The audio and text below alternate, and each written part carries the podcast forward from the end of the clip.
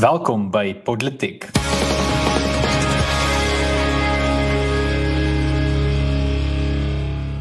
Ja, my naam is Paul Marits en saam met my in die ateljee vandag is Dr Leon Schreiber van die DA. Leon, lekker met jou te gesels. Uh, dis lekker dat jy by ons kan wees. Hallo Paul, dankie vir die uitnodiging en hallo ook aan al die kykers. Asai, nou eh, kom ons spring dadelik weg. Ons vraag, uh, ons eerste vraag is altyd dieselfde. Ons laaste vraag is altyd dieselfde. So, eerste vraag aan jou is: Wie is die drie mense wat die grootste invloed op jou lewe gehad het tot dusver? Dit hoef natuurlik nie familie te wees nie, dit kan wees, maar ehm um, jy weet drie mense wat jou die meeste gevorm het uh, in wie jy vandag is. OK, ek ehm um, ek gaan my ouers uh, as ek mag sommer dan nou saam as een as een persoon hierso sit. Uh want ehm um, ja, ek het 'n ons het ons het oor ons het op baie plekke gewoon en en groot geword. Ek het gebore op 'n Ketberg in die Wes-Kaap en uh toe het ons verlang in Kleinsee gewoon in die Noord-Kaap. My pa daar vir die beurs gewerk en my ma was 'n ehm um, 'n Afrikaanse onderwyseres op die plaaslike laerskool daar. En uh, hulle is intussen toe ekskuus omdat my pa so uh by die myne gewerk het, is ons toe later uh, het hulle in Musina gaan woon. Hulle was ook later in Johannesburg en ook 'n paar jaar in, in Johannesburg in Botswana. En ehm um, wat regtig vir my uitstaan oor oor hulle rol in my lewe is die uh die klem wat hulle gelê het op op op opvoeding en onderrig en onderwys. En hulle het altyd gesê ehm um, ons gaan nie baie geld kan los waarskynlik nie ons is drie seuns uh vir julle drie nie, maar wat ons wel vir julle gaan gee is is die opvoeding wat julle wil hê en en nodig het. En dit is wat hulle gedoen het. Ek kon as gevolg van uh hierdie visie wat hulle gehad het kon ek uh skool toe gaan in Paulroos in Stellenbosch wat 'n fantastiese skool was. Ek kon aan die Universiteit van Stellenbosch studeer en toe later ook my doktorsgraad oor see doen. Um en en ek dink dit is deel van die grondslag wat hulle gelê het en en 'n soort van erfenis wat hulle vir ons gelaat het uh redelik vroeg in ons lewens al. So daarvoor is ek is ek baie baie dankbaar. Um my vrou uh is definitief die ander persoon. Ehm um, ons kom al 'n lank pad uh het ook ontmoet toe ek oor see was en harde klippe gekou langs die pad en sy is regtig ehm um, 'n steunpilaar vir my en uh ja, regtig ook 'n inspirasie in my lewe. En ek dink ehm um, op 'n meer professionele vlak ehm um, ek het 'n paar jaar gewerk by Princeton Universiteit in Amerika waar ek 'n professor gehad het, ehm um, daar professor Jennifer Widener en ehm um, sy ek het ek, ek, sy is die hoof van 'n instelling instituut daar Innovations for Successful Societies. En uh, ek het 'n paar jaar saam met haar gewerk en die voorreg gehad om reg deur die wêreld te reis ontwikkelende lande te gaan besoek en te kyk na ehm um, in gevalle studies te skryf oor suksesvolle regeringshervormings. Hoe kry jy 'n regering om te werk in moeilike omstandighede? Dit was letterlik waar die program gegaan het. En ek dink sy het ongelooflik um, my oë oopgemaak deure oopgemaak en op die einde van die dag vir my ook ehm um, help uh, gehelp om jy weet die vaardighede te ontwikkel wat ek hopelik nou uh, ten goeie aanwend in die politiek. Ja, baie dankie Leon. Ek ek dink dit is altyd 'n 'n fyn balans of 'n goeie balans om te kan hê, jy weet daai wat mens met uh, uit jou ouer huis uit vat jy bepaalde morele waardes en bepaalde jy weet kan ek amper sê hartsgoeders maar mens het ook baie kopgoeders nodig dis uh, dis baie vormend en ek dink uh, uiteindelik daai tipe balans is nodig as mens enigiets gaan beteken vir die samelewing.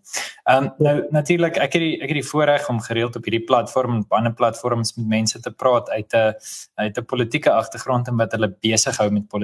So kom ons spring sommer dadelik daar ehm um, daar weg. Jy werk vir die Demokratiese Alliansie. Nou wil ek vir jou vra wat beteken die woord demokrasie vir jou? Ek ek meen ons, ons weet wat beteken dit breedweg in terme van 'n definisie, maar as iemand vir jou vra hoekom laat demokrasie jou hart klop? Hoekom dink jy dit werk beter as 'n monargie of 'n kommunistiese land hmm. wat ook al? Hoekom is dit die model vir die ideale samelewing volgens jou? Ek dink kortom is die antwoord die rem wat dit plaas op die misbruik van mag of die die oormatige uh uh konsentrasie van mag.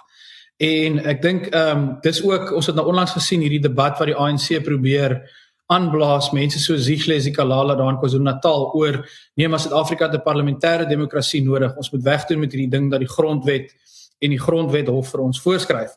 So ek dink grondwetlike demokrasie en liberale demokrasie in in daai in daai sin is waaroor dit vir my gaan, juis omdat dit hierdie ingeboude remme behoort te hê op die misbruik van van mag en ook op die akkumulasie van mag. Uh want ehm um, ek glo op die einde van die dag enige persoon of instelling wat te veel mag het, ehm um, hou 'n risiko in vir die samelewing en en en en dis hoekom daai die die prosesse in die parlement byvoorbeeld so ongelooflik belangrik is en en is ook 'n jammerte hoe baie van daai prosesse nie ordentlik werk of gebruik word nie. So ek dink dis waar enige ou wat in die politiek is 'n belangrike rol het om te speel om seker te maak dat jy ehm um, uitkom by die visie wat in 'n grondwetlike demokrasie vasgelê word. So die kritiek sal natuurlik wees maar kyk al die magsmisbruik in Suid-Afrika, weet wat is die punt van hierdie instellings of van hierdie ehm um, wêreldbeskouing?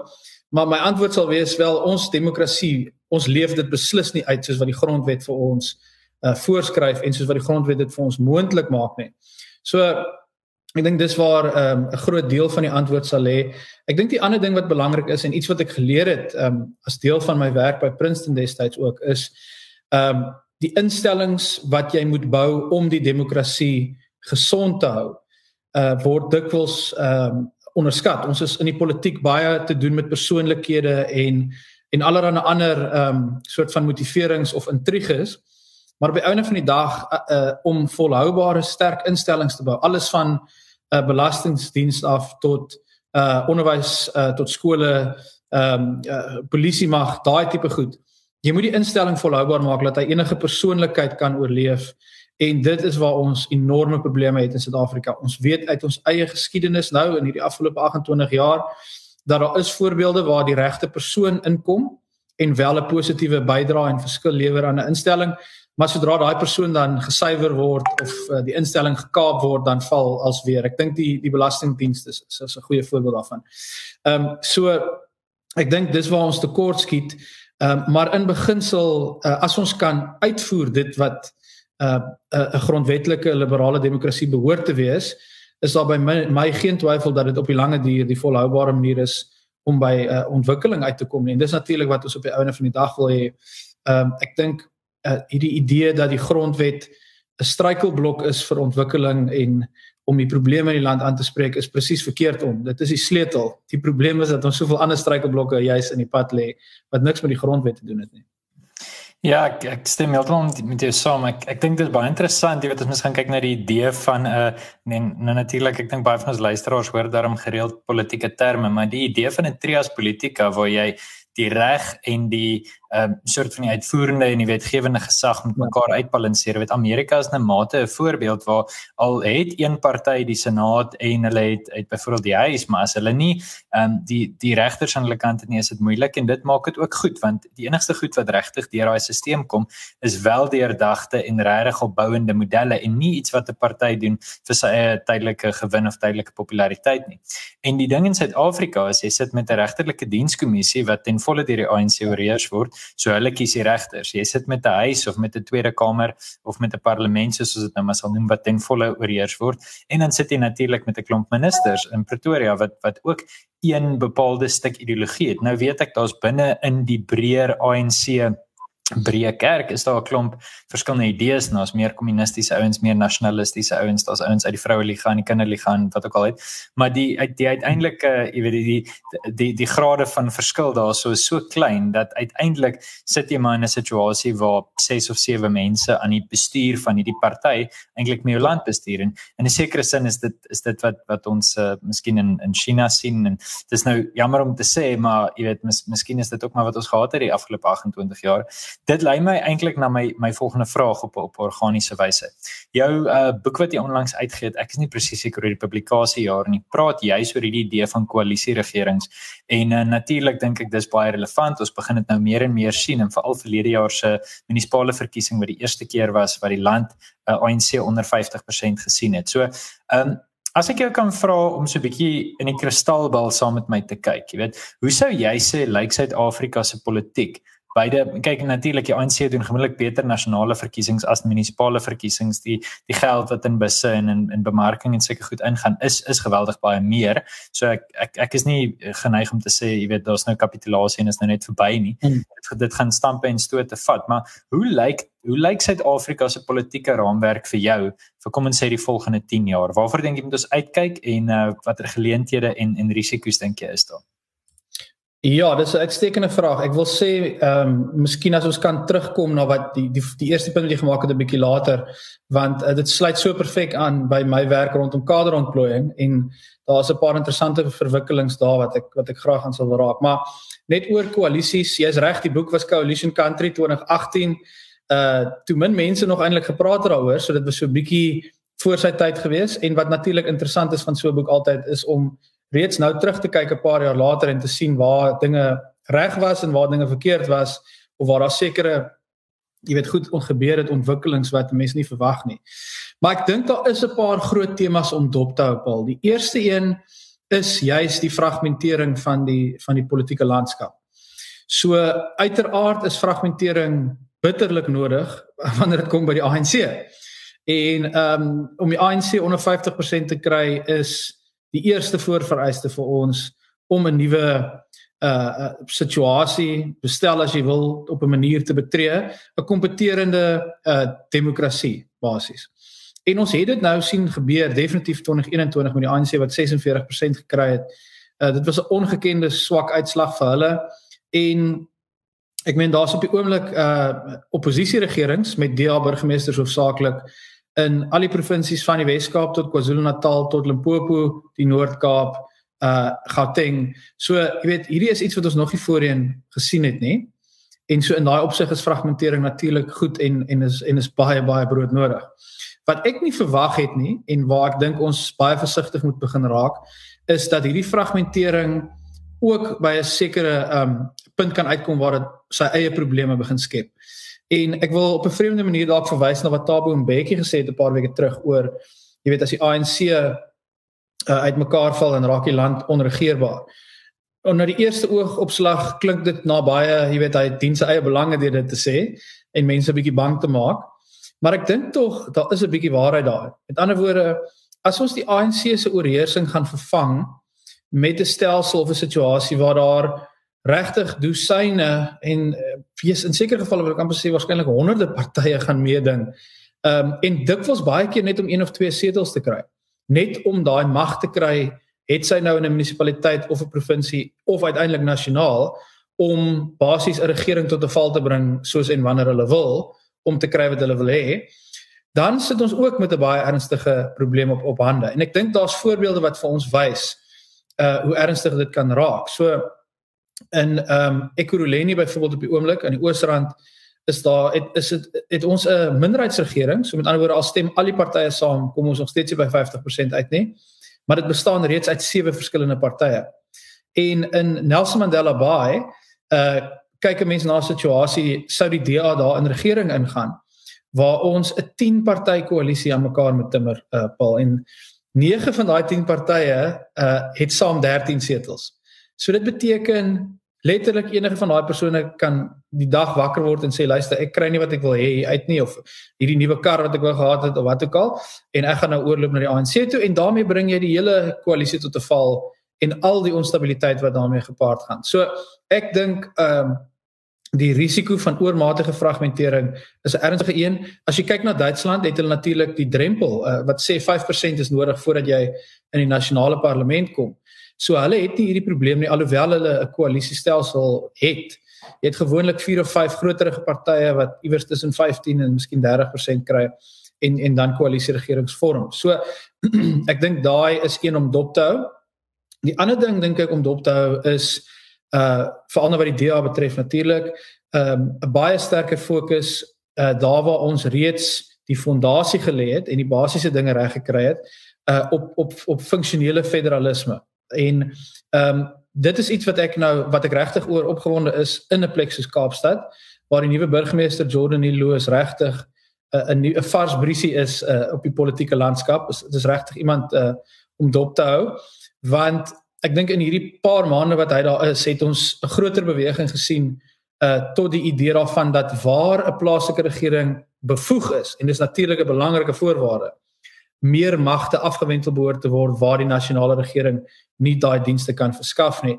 So ons kyk na goed soos 'n uh, polisieering, die LEAP program wat 1100 wetstoepassers het hoofsaaklik op gebiede in die Kaapse vlakte en reeds in 'n plek soos Harare en Khayelitsha 44% afname in die in die moord syfer bewerkstellig het.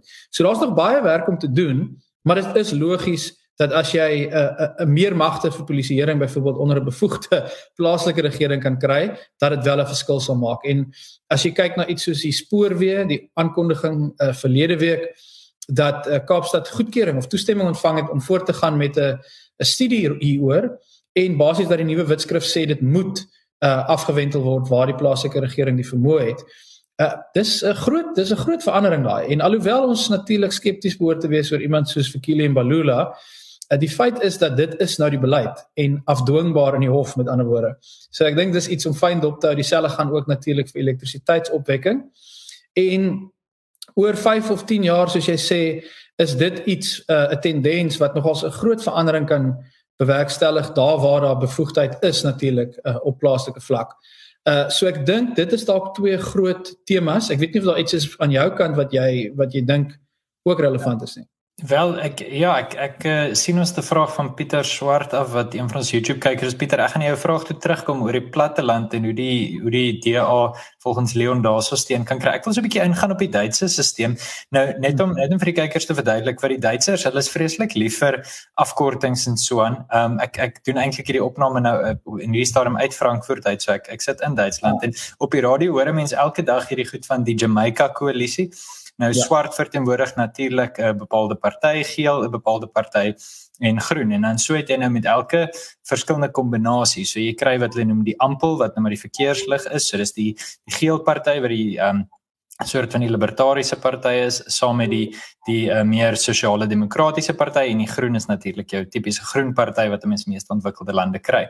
En uh, dit is tog interessant om baie keer te sien hoe partye wat regtig aan verskillende kante van goed staan. Jy weet tipies jou uh jou FDP wat regtig hierdie libertariese klein regering party is wat eintlik so 'n bietjie van 'n mondstuk vir die vir die rykes is, hoe hulle saam met die groen party kan kan werk en die groen party wil natuurlik hoër belasting sê en hulle wil uh jy weet jou in 'n sekere rigting wegdruk van bepaalde goed wat ekonomiese voordeel sal hê. So ek ek kan nogals dink hierdie wat jy sê van jy weet een persoon word wakker met 'n seer toon en voel ek gaan nou vandag hierdie hele koalisie omverwerp want ek kan. Ehm um, jy weet nou is nie 'n koalisie ooreenkoms nie, goed sê amptelik nie. So dit dit bring sy eie sports, maar ek sal argumenteer dat dit nog steeds uh by verre ek sal dit 99 uit 100 dae vat. Uh eerder as wat ek 'n situasie vat waar die ANC by die St George Hotel langs die R21 sit en 'n 10 jaar plan skryf en ons weet dis wat gaan gebeur. Of 'n situasie waar hulle einde 2022 'n president kies en die hele wêreld weet dit is jou president vir 2024 want dis nie dis nie 'n gesonde demokrasie nie. Ehm um, maar ek ek ek bedoel ek dink die DA sê nou al vir 12 13 jaar wat ek polities bewus is dat mens moet uitkyk vir die 30 jaar reël in in koloniale state wat hmm. dem, wat demokrasie verkry. So ek ek dink daai sal eh, daai da sal natuurlik 'n baie relevante punt wees. Ehm um, maar ek ek dink kom ons praat so 'n bietjie ek ek wil graag natuurlik iets wat vir my ontsettend belangrik is en wat wat my in 'n sekere sin by by studentpolitiek betrek het en iets waarmee jy ontsettend besig is is die idee van taal. Nou uh ek ek bedoel ons is deur hierdie op 5 of 6 kampusse waar daar gesê is luister hier uh Afrikaans gaan 100% bly soos wat hy is. Ons gaan net klein bietjie ander tale, net klein bietjie, net soos alles alles gaan aan. Daar gaan die einde van die klas net 'n sin in Engels wees. Dis rustig. En dan is dit soos okay, 50-50, sover ons kan gaan ons Afrikaans en Engelse klasse hê, maar vat dit rustig. Dan is dit soos Maar okay, julle kan almal in elk geval Engels praat.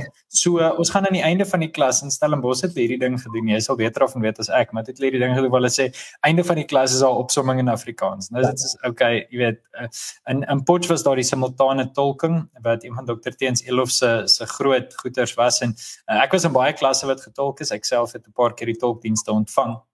Uh ook so dit dit is 'n interessante 'n interessante situasie wat op metaal gebeur het, maar die uiteinde van alles van dit was eintlik maar jy weet jy kry eers 'n 'n meer radikale fisiekanselier en hulle eerste ja. toespraak sê hulle klomp goeters, retireer 'n klein bietjie maar doen in elk geval wat hulle gesê het hulle gaan doen.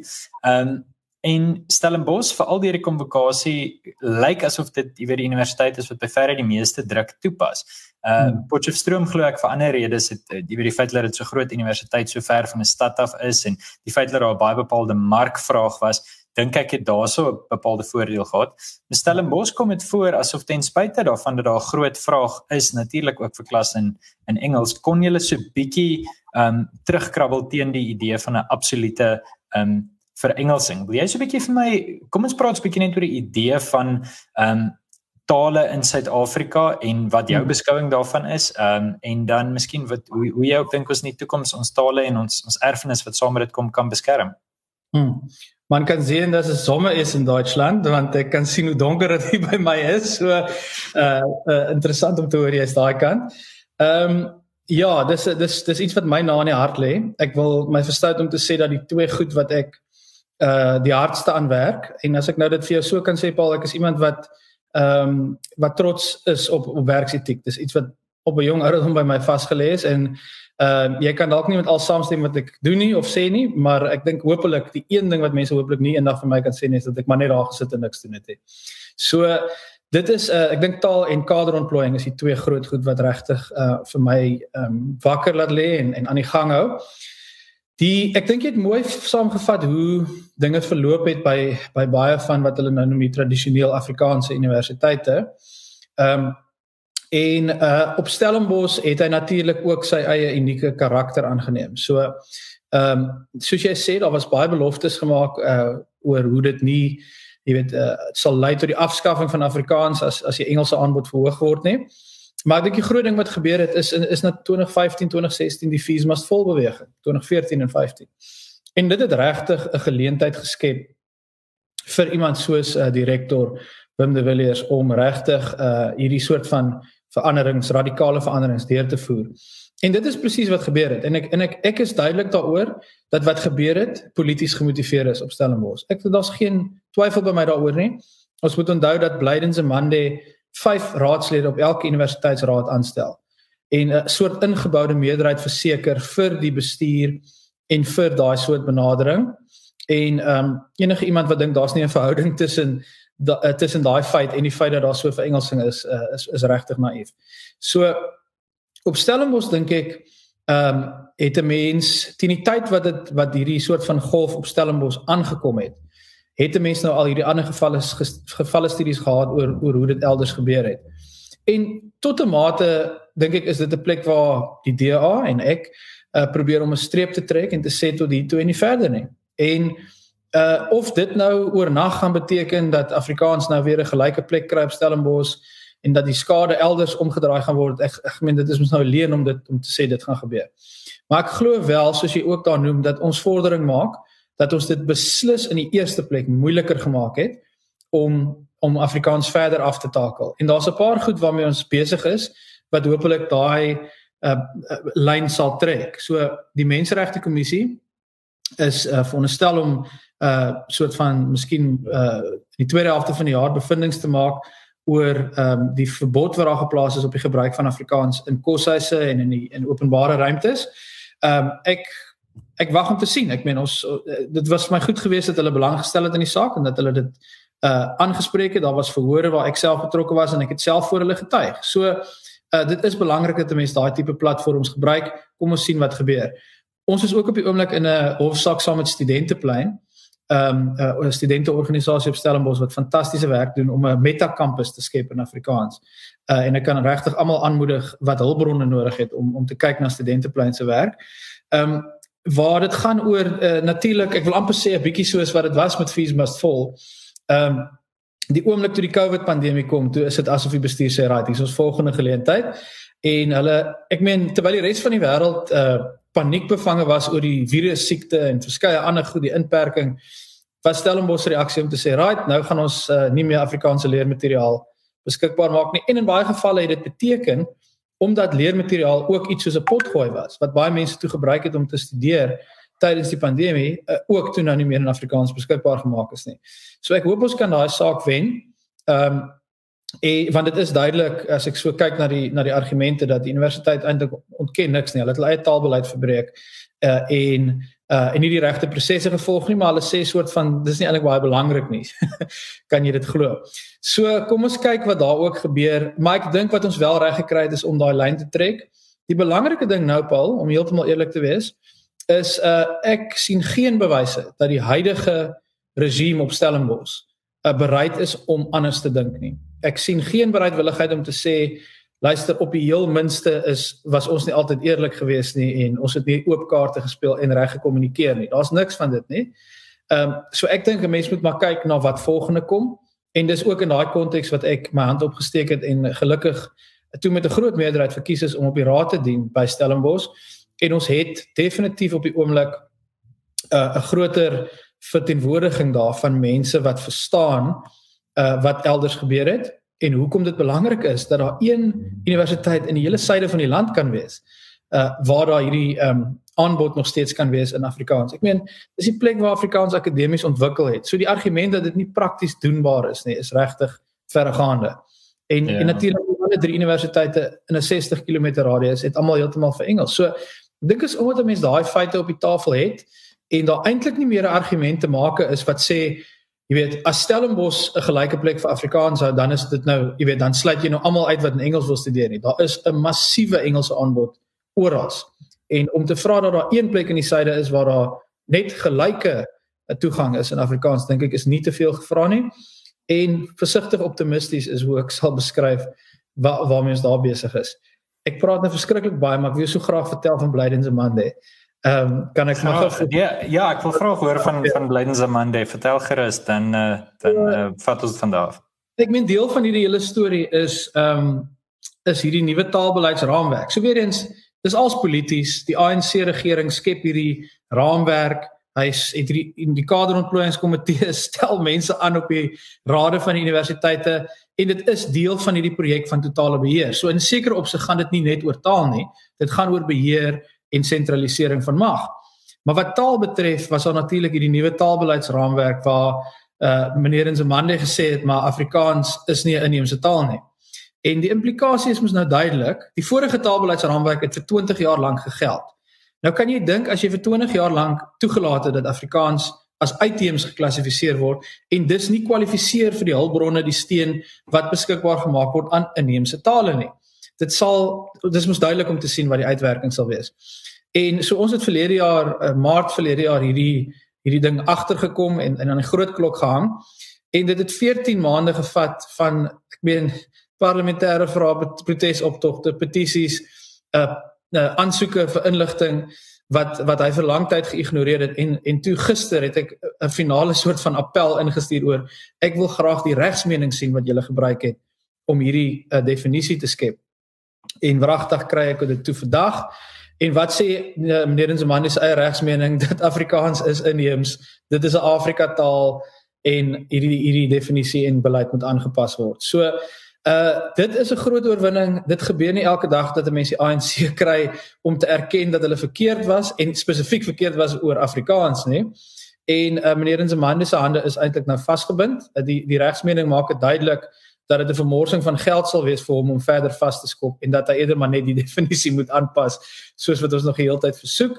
Uh en ek dink, jy weet in 'n konteks wat baie droewig kan wees wat betref taal en Afrikaans spesifiek, is hierdie 'n belangrike 'n belangrike oorwinning vandag.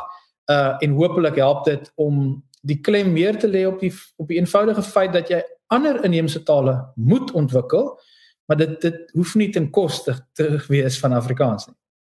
Ja, en dis baie keer ook maar net lippetaal, nee. Ek bedoel in Potchefstroom was daar baie gemaak van die ontwikkeling van Setswana en Sesotho as akademiese tale, maar die realiteit is dat die die moeite wat daar ingestoot is was snaaks genoeg deur mense wat dit juis gesien het as ook 'n manier om Afrikaans te versterk. So ja. daar was was regtig nie uh moeite gewees van, van daai kant af nie. Ehm um, ek ek dink tog, jy weet, Uh so my, my familie kom eintlik daar uit die Daljosafat uit na die Parel se kant toe. Um en jy weet dis waar die eerste taalbeweging begin is en my hmm. familie was eintlik redelik betrokke daar. So dis dis vir my 'n baie persoonlike ding. 'n hartsaak, jy weet, nie die goeters het 'n lang geskiedenis. En jy weet ongelukkig soveel as wat 'n mens baie keer in in dekoloniale debatte goed hoor soos ja maar jy weet jou geskiedenis um die geskiedenis van bepaalde groepe is nie in ag geneem nie en so aan wil ek hmm. sê dat Blynzemande presies aan dit skuldig is wat 'n tipiese kommunistiese fanonistiese denker uh ja. jy weet my van sou beskuldig het in in in debatte wat ek op kampus gehad het. Ek wil so 'n bietjie praat oor die die idee van jy weet en jy, jy het dit self nou gesê waarheen nou. Ehm um, nou Flip base van die solidariteit beweging praat altyd van die binne en die buite. Jy weet jy het 'n binnekanaal en dis tipies die raad van die universiteit. Ek het self ook op universiteitsraad gedien. Ehm um, maar die die buitenste kanaal is die punt waar ons vir mekaar sê luister hierso ehm um, jy weet ons moet ons moet begin dink wat is nie langtermyn die volhoubaarheid vir Afrikaans as 'n akademiese taal en mens kan nie hoop dat elke keer iemand soos jy is en iemand se studente plein in Frederik hulle wat gaan gaan beklei vir vir Afrikaans nie. Ehm um, ja. jy weet so ek ek dink dis hoekom dan natuurlik hierdie groot dryf is ook van akademia se kant af en van Soltech se kant af om te sê maar ons sal self ons gaan hierdie goeders doen. En wat dit vir my interessant maak is juist die beskouing wat 'n mens daarvan het as 'n gemeenskap. Natuurlik alle politieke strukture en parlemente en sulke goeders het later gekom. Wat eerste was 'n sekerlike familie en daarna 'n klomp families saam wat 'n gemeenskap gemaak het. So dis vir my 'n baie oulike ding om te sien dat die gemeenskap opstaan en hande vat en van onder af bou. Ehm um, sou jy sê dat hierdie hoe kan ek sê sterker gemeenskappe dalk die sleutel is vir 'n vir 'n jy weet 'n sterker toekoms in Suid-Afrika en 'n ek kan ek amper sê 'n toekoms wat 'n bietjie meer ANC bestand is. Mm. Ja, so ek het onlangs ehm um, ek dink 'n maand gelede die voorreg gehad om om Soltech te gaan besoek en en homself te sien uh hoe hoe solidariteit uh, en die gemeenskap daar te werk gaan. En jy weet dit is verstommend ek is so gewoond nou in die Stellenbosch konteks van al die verskonings oor jy kan dit nou nie so doen nie en in Afrikaans kan ons nou nie eintlik meer so en so. En dan kom jy by 'n plek soos daai waar daar nie daai tipe tyd is vir daai tipe vrae nie. Dit word eenvoudig net gedoen. En so ek haal my hoed af vir uh wat wat by Soltech gedoen word. Ek sien baie uit om te sien waar akademia vorentoe ontwikkel. As ek reg verstaan het is daar nou 'n stuk grond gekoop uh vir die ontwikkeling van van 'n fisiese kampus en natuurlik 'n groot deel daarvan is afstandonderrig. Dis 'n uh, pragtig uh, pragtige stuk grond hoor, is 'n pragtige uh, stuk grond. Ek sal dit daai moet kom maak, Paul. Ehm um, maar maar ek meen natuurlik ook die feit dat dit 'n afstandonderrig instelling was, ehm um, nog voor Covid en nou is dit natuurlik 'n uh, 'n voordeel tot 'n groot mate as jy reeds daai infrastruktuur het. So ek dink ehm um, gemeenskappe wat self hierdie werk doen om om dit wat vir hulle belangrik is te bewaar en natuurlik om toegang te bied uh tot mense wat dalk nou nie in Engels kan studeer nie of ander sins uitgesluit is is is net fantasties. En ek dink dit sluit aan by wat ek vroeër gesê het oor funksionele federalisme. Ek meen dit hoef nie te stop by die regering nie. Ehm um, as ek vir jou sê die DA in Kaapstad probeer baie meer van die goed vir onsself doen, dan behoort die beginsel net so uh, van toepassing te wees op gemeenskappe wat goed self wil doen. En ek dink juis is daar dalk 'n geleentheid uh vir 'n party soos die DA uh waar daar hierdie vennootskappe gesmee behoort te word of kan word.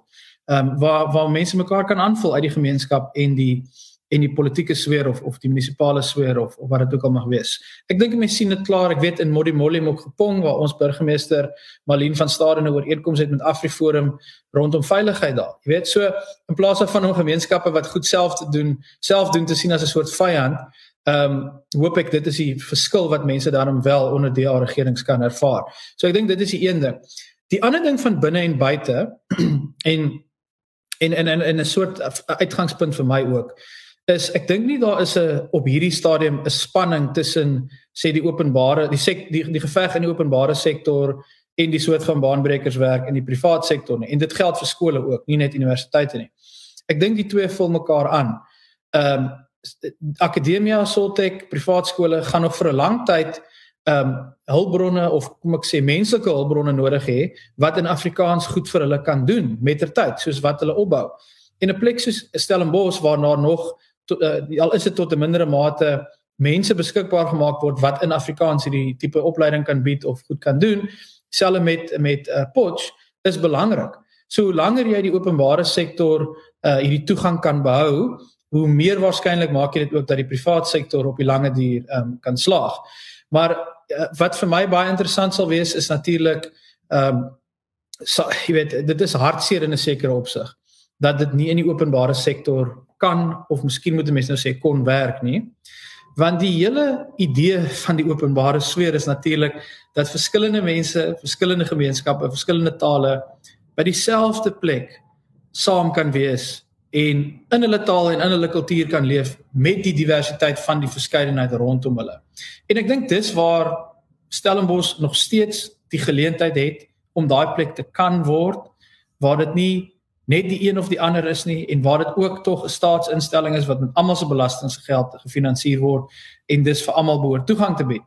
Ehm um, so jy weet ek dink daar is die bepaalde rol nog steeds vir die geveg aan die openbare instellings maar dat daar 'n behoefte is en dat die behoefte gaan groei uh in die privaat sektor. Uh, ek het geen twyfel daaroor nie en ek meen sover as wat ek kan praat van die DA se kant af ehm um, kan kan ek net sê uh, hou net aan en doen so voort. Dit is fantasties. Want op die ouene van die dag uh as jy kyk na Soltech ook baie van die mense wat daar opgelei word gaan nie noodwendig net by Afrikaanse besigheid of maatskappy gaan werk nie maar hulle gaan die vaardighede hê wat in so 'n uh, enorme aanvraag is. En ons land het dit bitterlik nodig. So ek wil amper sê ja. daar's 'n ander deel van die gesprek. Ek gee nie om in watter taal jy dit leer nie. As jy 'n passer en draaier kan wees, as jy 'n diesel mechanic kan wees soos wat my eie pa was, word dit vat daai geleentheid. Ons land het dit bitterlik nodig. Ehm um, en ek dink so daar behoort geen twyfel daaroor te wees en wat ek wel vir jou kan sê, sou dit by 'n punt kom wat my vriend meneer Nzimande of die Lesofies van die wêreld probeer kom inmeng en sê maar julle mag hierdie tipe goed doen in 'n privaat instelling hê um, dan dan sal ons definitief uh, tot die stryd toe tree. Ek dink dis dis dis 'n gemaklike punt om om so 'n bietjie oor te gaan na na politiek toe. Ehm um, jy weet uh, Pieter vra nou vir ons op YouTube, uh, hy wil vra hoe kan die DA op die platland die die platlandse kiezer ooreed om om vir hom te stem? En uh, ek dink die rede daarvoor is redelik voor die hand liggend. Enigiemand wat onlangs op die N12 of die N14 deur Noordwes gery het, sal sien dat daai dorpe letterlik uitmekaar uitval. Ek dink dit ja. sal beter wees in baie plekke as hulle maar net die teer wegvat en en weer grondpaaie of aspaaie het.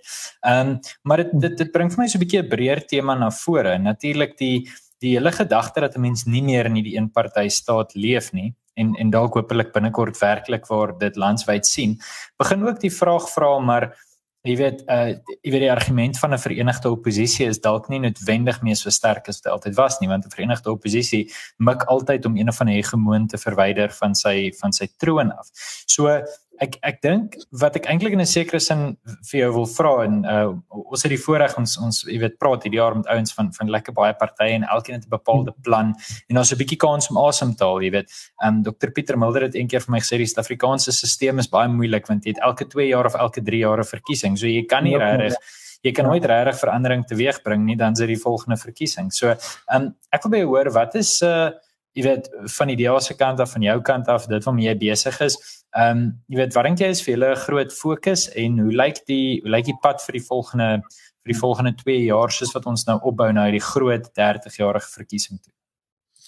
Ja, so ek dink eerstens vir my persoonlik wat ek vroeër genoem het, uh die stryd teen kaderontplooiing en dit is iets wat miskien 'n paar jaar gelede uh veral toe ek nou regtig die ding begin aanvat het uh in 2019 is dit iets wat dalk 'n bietjie esoteries was of wat mense nie gedink het jy veel aan kan doen nie. Ek meen soos jy sê, dit is die dit is die hegemoon en dit is hoe hy te werk gaan. Hy hy wil hy wil beheer bewerkstellig deur die nasionale demokratiese revolusie. Hulle het als vir ons in 1997 mooi uitgespel wat hulle wil doen.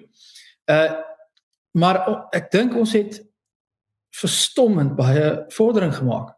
Ek ek dink die die feit dat ons uh die sondekommissie kon kry om kaderontplooiing regtig ernstig te oorweeg en en en te kyk na ons argument dat dit die fondasie is van staatskaping. Ek meen jy kan nie praat van staatskaping sonder die idee dat uh daar's 11 lede van die kaderontplooiingskomitee van wie president Ramaphosa die voorsitter was voor 2018 wat iewers in 'n in 'n vertrekkende toelie huis gesit het en besluit het wie die hoof van Eskom moet wees en uh wie die hoof van daai departement moet wees en in sekere gevalle wie op die regbank moet wees. Ehm um, jy weet dit is fundamenteel tot staatskaping en uh ek dink ons het nou 'n geleentheid met die finale sondeverslag wat gaan uitkom en hy het dit gesê in die in die 4de volume dat die 5de een gaan hierdie hierdie kwessie takel. Ehm um, ek dink alle Suid-Afrikaners behoort te hoop dat dit die oomblik is waar waar kaderontplooiing regtig ehm um, uh, aangevat word en ons sal dan absoluut ek persoonlik sal seker maak dat enigiets wat daar bevind word gebruik word om die ding uit te roei. En ek dink dit sluit aan by die hoe die die politiek meer kompeterend word want uh jy weet die ANC is nie die enigste mense wat dit gaan doen nie. Solank as wat dit moontlik is, gaan jy allerhande vir al hierdie klein partytjies kry Ek um, jy weet ek het gesien die Patriotic Alliance op 'n stadium gesê een van hulle voorwaardes om in 'n koalisie in te gaan is dat hulle hulle moet die die ehm um, die die stadsbestuurder aanstel, jy weet die munisipale bestuurder. So ek meen dit is dit is nog kaderontplooiing meer blaatant. So ek dink dit is 'n enorme fokus en 'n geleentheid vir hierdie land soos wat ons dalk uh, in 'n lang tyd nie gehad het nie, Paul. As ons dit kan vas lê en en en afdwing dat daar 'n uh, onafhanklike staatsdiens behoort te wees met 'n hervormde staatsdienskommissie of 'n soortgelyke instelling wat op 'n professionele grondslag mense aanstel in senior poste en gekoppel hopelik met iets soos 'n toegangseksamen waar jy moet basiese vaardighede kan bewys uh en 'n verbod op politieke amptdraers wat as, as staatsamptenare aangestel word. Dit kan regtig oor die lange duur 'n baie baie groot impak maak. So dit is een ding om dop te hou en ek dink dis 'n diens wat wat die DA aan die land kan kan kan doen, 'n guns wat ons kan doen en wat baie langer as enige politieke siklus relevant sal wees en iets wat in soveel lande gebeur het, ek meen jy's in Duitsland, Max Weber is natuurlik die vader van hierdie denkrigting en uh hoe wonderlik as ons stadig aan 'n ordentlike birokrasie kan begin bou. Maar dan dink ek uh om 'n meer soort van uh breër wat die politiek betref, uh ek dink die groot ding wat vir die DA tans uh, energie gee en waaruit ons krag put en ehm um, vorentoe gaan is natuurlik die wete dat 'n uh, groot verandering uh voorlê. Ek meen dit of dit nou in 2024 is, 2029 op 'n nasionale vlak, wil ek amper vir jou sê in 2024 'n provinsie soos Gauteng, KwaZulu-Natal, ek meen die ANC het onder die 40%, hulle het in die 30's gekry in sekere van hierdie plekke. So dit is absoluut waar ons fokus is en behoort te wees want ons kan dit is nie dis nie meer teoreties nie dis absoluut nou praktiese realiteit nuwe regerings vestig in provinsies en moontlik selfs nasionaal. Maar selfs, jy weet, al al is dit nou nie nasionaal onmiddellik dat die DA nou deel is van 'n nasionale regering nie. Daar's soveel geleenthede waarna ons kan begin kyk as die politiek kompeterend raak. Stel jou voor dat ons 'n paar komitee voorsitterskappe kan kry in die parlement. Die enorme impak wat jy kan maak met ordentlike werklike oorsig. Uh dis alles goed wat moontlik raak wanneer die ANC nie meer 'n ingeboude meerderheid het nie. Want onthou, die parlement is opgedeel in al hierdie klein komitees en uh, die ANC gaan nie 'n meerderheid hê op hulle nie. So so daar's allerlei geleenthede wat moontlik raak. So ek dink die boodskap is uh kom ons mis nou nie die die geleentheid waarvoor ons nou 30 jaar gewerk het nie, want hy is nou basies hier. En die argument dink ek ook met die DA spesifiek is of mense dit nou wil weet of nie, Die realiteit is dat jy 'n anker nodig het in enige regering. Dit jy kan nou aan enige land gaan kyk. Uh jy het altyd 'n groot uh sterk party wat weet waarvoor hy staan en waar hy wil probeer uitkom, so onvolmaak soos wat hy is, wat die bepalende invloed in koalisieregerings is. En ons moet met dit in gedagte begin kyk na 2024 en spesifiek dan ook in die provinsies wat ek genoem het, want Wat ons nie kan hê nie is natuurlik 'n ANC EFF koalisie. Dis die een uh, uitkoms, moontlike uitkoms. Die ander moontlikheid is, jy weet, hordes klein partytjies wat miskien nie eers 50% saam het nie. En en dan sit jy met die chaos wat soos wat ons nou in Nelson Mandela Bay het. So hierdie is 'n baie praktiese en strategiese ding om te sê, maar dit is die harde realiteit van politiek is dat jy moet dit oorweeg wanneer jy gaan stem. Is dit waarvoor ek stem prakties moontlik en is dit iets wat kan werk as deel van 'n regering?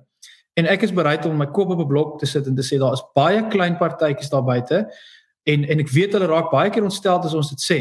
Maar dit is 'n realiteit gaan woon in Nelson Mandela Bay in PE nou vir 'n paar weke en gaan kyk hoe dit lyk wanneer dinge so fragmenteer.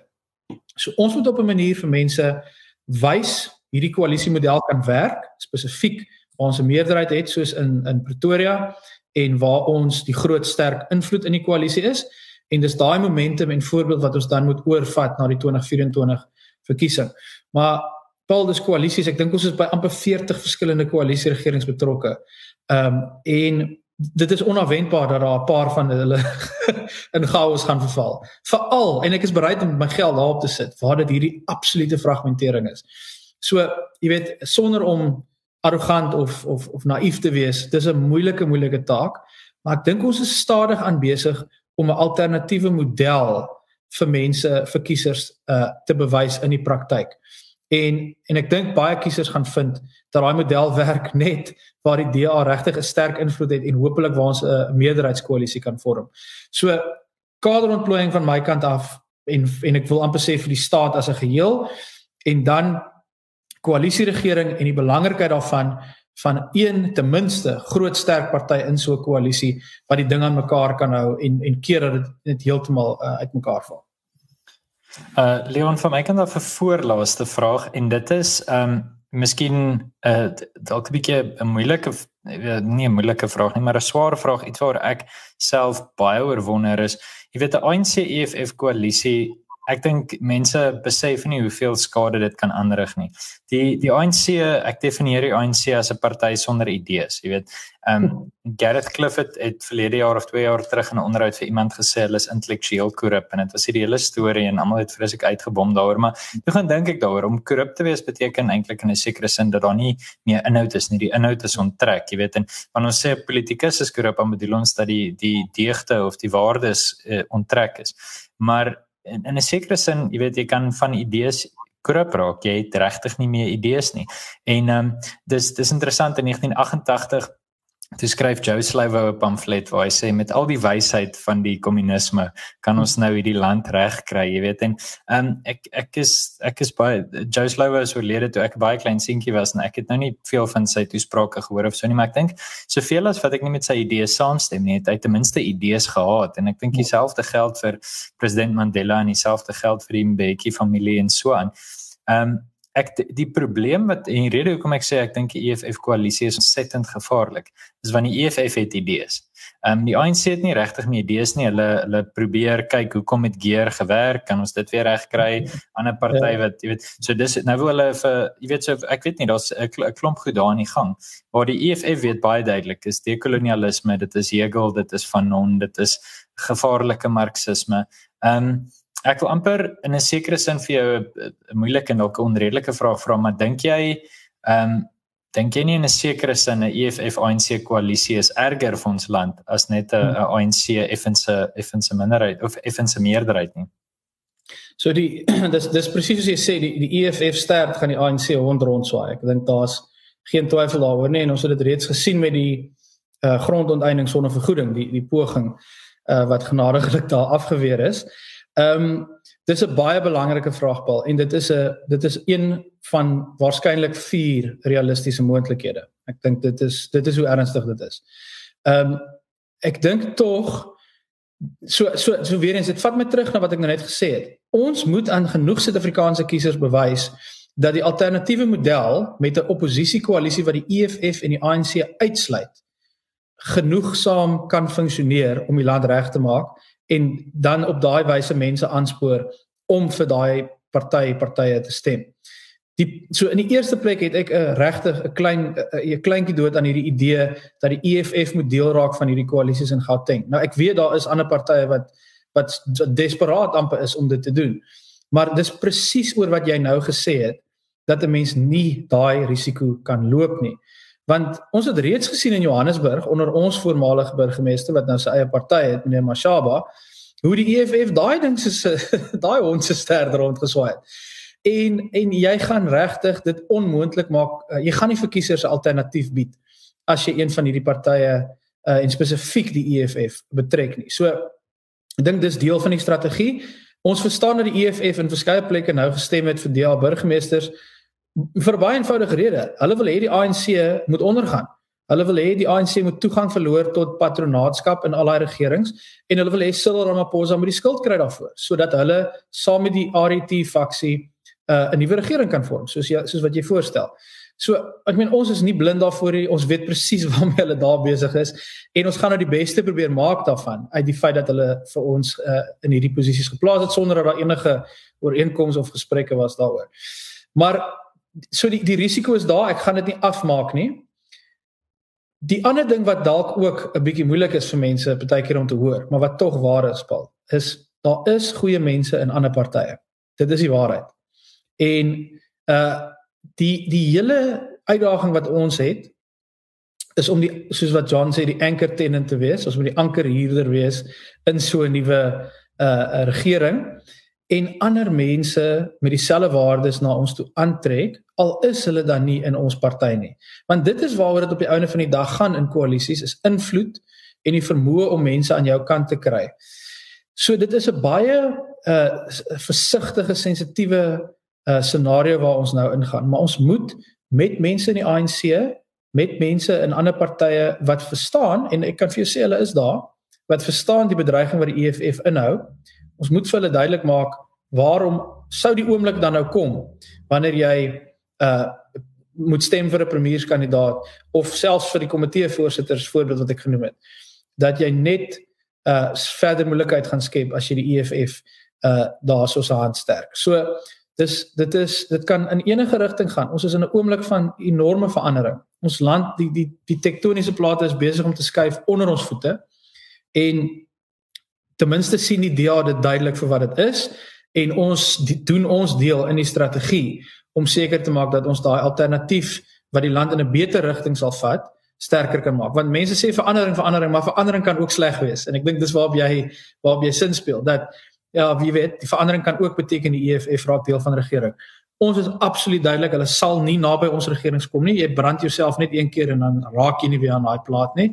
So wat betref ons regerings no go ehm um, en, en ek dink uh, dit is 'n ding wat op die einde van die dag in die hande van die kiesers gaan wees en ook ongelukkig tot 'n groot mate in die hande van die ANC en ja. uh, dis hoekom dit wel belangrik is dat waar daar regte besluite geneem word soos meneer Godongwana nou by die tesourie oor ehm um, oor die treinstelsel in Kaapstad. Dis belangrik om te sê dis die regte besluit gewees daai. Dis moeilik vir jou. Ek weet jy is ANC. Dis ons gaan teen alles wat jy glo, maar jy verstaan die die nasionale regering kan nie meer die treine bestuur nie. So ons moet daai mense se hand sterk soos wat waar en, en hoe ons kan en terselfdertyd die wig indryf uh, teen die RDT faksie en die EFF. Uh maar ek gaan nie vir jou enige beloftes maak nie. Want dit is wat dit beteken om in 'n demokrasie te woon. As jy kan nie beloftes maak oor wie in watter regering gaan wees nie. Uh maar ek kan jou verseker ons is absoluut bewus van hierdie risiko. Ons is bewus van ons verantwoordelikheid in hierdie konteks ook en ons vat dit baie ernstig op en ek dink onthou nou maar vorentoe wanneer daar heeltyd weer gesê word maar die EFF, hoekom wil julle nie deel maak van die Gauteng koalisies nie? Dan gaan julle 'n meerderheid hê is omdat jy kan nie saam met daai mense werk nie en jy doen die land 'n oneer aan wanneer jy dit doen. Ja. Nou ja, uh, Leon, daar's uh, natuurlik nog 'n klomp goed waaroor ons kan praat. Ek het teen nou so gepraat gedink oor uh, ag 'n klomp interessante goed. Jy weet, uh, ek ek dink uh, ons kan in 'n volgende gesprek oor die goed praat. Ek ek wonder baie keer daai Augustus 2012 toesprake van Malema by uh, jy weet by Mooinooi en by Marikana en so en hoe hoe belangrik dit vir sy eie vorm in 'n mitologie was en ek dink daaroor sal mense later kan praat. En dan natuurlik ook uh, ag oor 'n klomp ander temas wat in Suid-Afrika van toepassing is en ons het nou nog eers jy weet in soveel diepte benoodwendig by 'n boek uitgekom of by klomp van die goed nie. So dit sal ons 'n uh, ander keer doen. Vir nou wil ek vir jou my laaste vraag vra en ons vra altyd hierdie vraag as ons laaste mm -hmm. vraag. Ehm um, Watse vraag het jy gedink ons gaan vir jou vra? Wel, het jy gedink gaan ek vir jou vra? Ehm, um, maar het ek nie vir jou gevra nie. En as ah. ek hom vir jou sou gevra het, hoe hoe sou jy hom geantwoord het? Jo. Jy sien die risiko met daai vraag is nou gaan ek doodstil sit vir 2 minute en dink en dit is nie goed vir die formaat waarskynlik nie. Ehm, um, ag vat my deur jou denke, soos wat jy ja. dink maar net hardop. Ja. Ehm um, Hmm. O, okay, miskien ehm um, ideologies van aard en dis hoekom ek dit nou geniet het om met jou te gesels want dis 'n bietjie dieper as net die alledaagse uh soort van ehm um, gebeure. Maar ek dink oor oor die liberalisme se plek in Suid-Afrika. Uh 'n Afrikaans sprekende liberaal, ehm um, party mense glo dit is 'n oksimoroon. Uh jy weet, daar's 'n daar's 'n daar's 'n groot interessante gesprek wat 'n mens daaroor kan hê uh, en, en en jy het nou gesê ek moet dit nou probeer antwoord so ek het nou die lat gepluk. Ehm um, ek gaan dit baie kort probeer hou deur te sê ehm um, jy weet as jy kyk na die soos wat ons begin het eintlik. Dis nou 'n mooi manier om dit af te sluit met die liberale demokrasie en die instellings wat daarmee saamhang. Ehm um, glo ek in die eerste plek dat dit is die enigste manier hoe 'n diverse land soos Suid-Afrika 'n kans gaan hê. Is as jy onafhanklike sterk instellings bou wat reguleer en ook beperkings op mag ehm um, gaan plaas. Die die uitdaging natuurlik en ek dink waar mense baie keer 'n fout maak is om te dink dat binne die klassieke liberalisme jy kan nie 'n gemeenskaps of 'n groepsidentiteit enigsins hê uh, of of uitleef nie. En ek dink dit is 'n veral in die Afrika konteks is dit is waansinnig om so te dink want dit is hoe mense is. En as ek nou kan sê dat miskien die DA iets stadig aan 'n uh, begin regkry het en ek dink 'n beter doen as wat ons jare terug gedoen het is dat ons verstaan dat om 'n liberaal te wees of om op individuele regte te fokus sluit per definisie in dat daai individu ook die reg het om aan 'n groep te behoort en dat dit ons plig ook is om daai ruimte te beskerm en die vryheid vir mense om daai keuse te maak. Dit beteken natuurlik dat mense moet kan kies om ook nie 'n lid van 'n groep te wees nie en dat in daai geval 'n liberale party of persoon ook daardie reg behoort te beskerm. Maar wat my fascineer en 'n groot uitdaging wat ek dink ons het, is hoe om vir mense wat wat hegte gemeenskappe het te laat verstaan dat die liberalisme in beslis in ons konteks nie 'n bedreiging inhou nie, maar dat dit eintlik jou vriend is want uh dit is die een ideologie ingesteldheid wat ruimte skep vir verskillende groepsidentiteite en sonder om te soort van te sê dat die een moet in kompetisie wees met die ander. Dis 'n moeilike ding om in die praktyk uit te leef, maar ehm um, ek dink dis min of meer hoe ek daarna kyk. Dis 'n vals keuse om te sê uh jy moet of liberaal wees of jy kan 'n groepsidentiteit hê. Uh want uh, dis nie hoe mense is nie. En ek dink ons worstel daarmee, maar dit is uh dis iets dink ek waar ons vir ons mense stadig aan oorwen en wys dat ons ook dit uh, ernstig opneem. Ja, Leon sê baie dankie vir jou dat jy saam gepraat het vandag en uh, baie sterkte ook met die met die komende uh wel alles wat op hierdie stadium aan die gang is het het jy wat goeders genoem. En uh vir jou by die huis, dankie dat jy ingeskakel het. As jy later saam luister, uh, moet jy gerus inskakel vir volgende week maandag se weekflits en volgende week woensdag se ontnonsens episode.